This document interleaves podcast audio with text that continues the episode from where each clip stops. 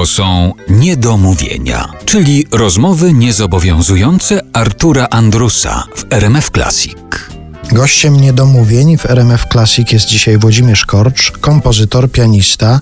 Czy zdarza się, że ktoś dziękuje ci za piękne dzieciństwo? I nie mówię tutaj o twoich dzieciach, tylko tak po prostu na ulicy podchodzi i mówi panie Włodzimierzu, chciałem panu podziękować za piękne dzieciństwo. E, Za piękne dzieciństwo nie, ale parę osób, parę dziesiąt może już mówiło mi, że od dzieciństwa znają moje piosenki. Te piosenki sprawiają mi przyjemność. No coś takiego słyszę.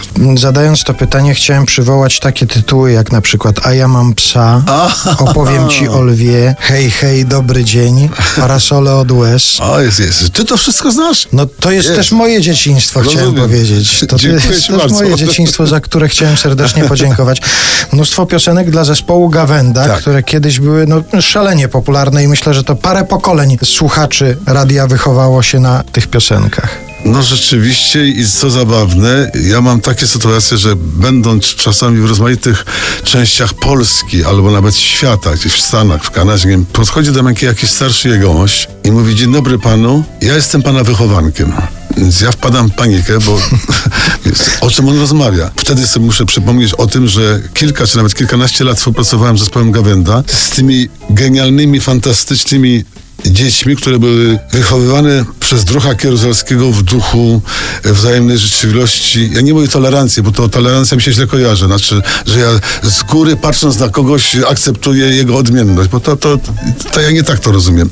Ale to jest moje prywatne widzenie. W każdym razie on uczył dzieci tego, że 18-letni chłopak ma być pomocny i przyjazny w stosunku do 9-letniej dziewczynki. I tak to tam było. Te dzieci się nawzajem szanowały, były entuzjastyczne, były nadzwyczaj dobrze wychowane i przeżyłem tam w tej współpracy z nimi rzeczy fantastyczne rzeczywiście, bo ja nieraz, no szczerze mówiąc, troszkę te dzieci katowałem, żeby śpiewały dobrze i czasami się zdarzało, że po dwóch godzinach próby bez przerwy, mówię, "Słu- no dzieciaki, przepraszam bardzo, ale trochę przeholowałem, kończymy próbę. I wtedy to zdarzało się, że te dzieciaki mówią, nie, my chcemy dłużej, my chcemy dalej, my słuchajcie, przepraszam bardzo, ale i ja mam inne zajęcia i wychodzę. I zdarzyło mi się kiedyś, że jedno z tych dzieci, dziewczynka, ja wiem, może w tym czasie, może dwunastoletnia, która sięgała mi do pasa, w tej pasji takiej, że ona nie chce się zgodzić na to, podleciała do mnie, objęła mnie w pół i mnie podniosła do góry.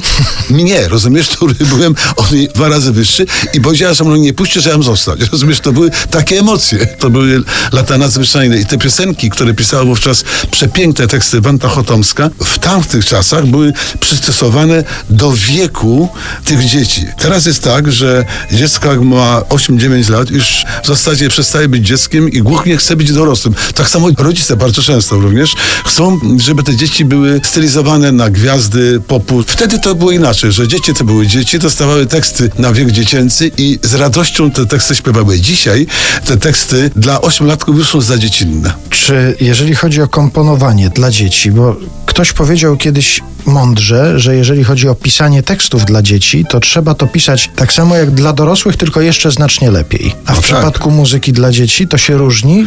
No I- Brzechwa pisał po prostu fenomenalnie. On pisał dla dzieci, ale ja to dzisiaj czytam i ja nie widzę powodu, dlatego, dlaczego to nie miała być lektora dla mnie.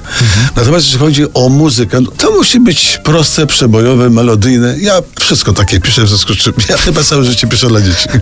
No to teraz zespół Gawenda zaśpiewa jedną z piosenek duetu autorsko-kompozytorskiego Wanda Chotomska, Włodzimierz Korcz. A ja jeszcze przepraszam, ale poniosło mnie to wyobrażenie, to od razu muszę powiedzieć, że wyobraziłem sobie teraz, że kończysz próbę z Alicją Majewską i ona podbiega i cię podnosi i mówi, że nie pozwoli, żeby się No skończyła. w życiu taki wysiłek fizyczny, na to ona by sobie w życiu nie pozwoliła. Skąd?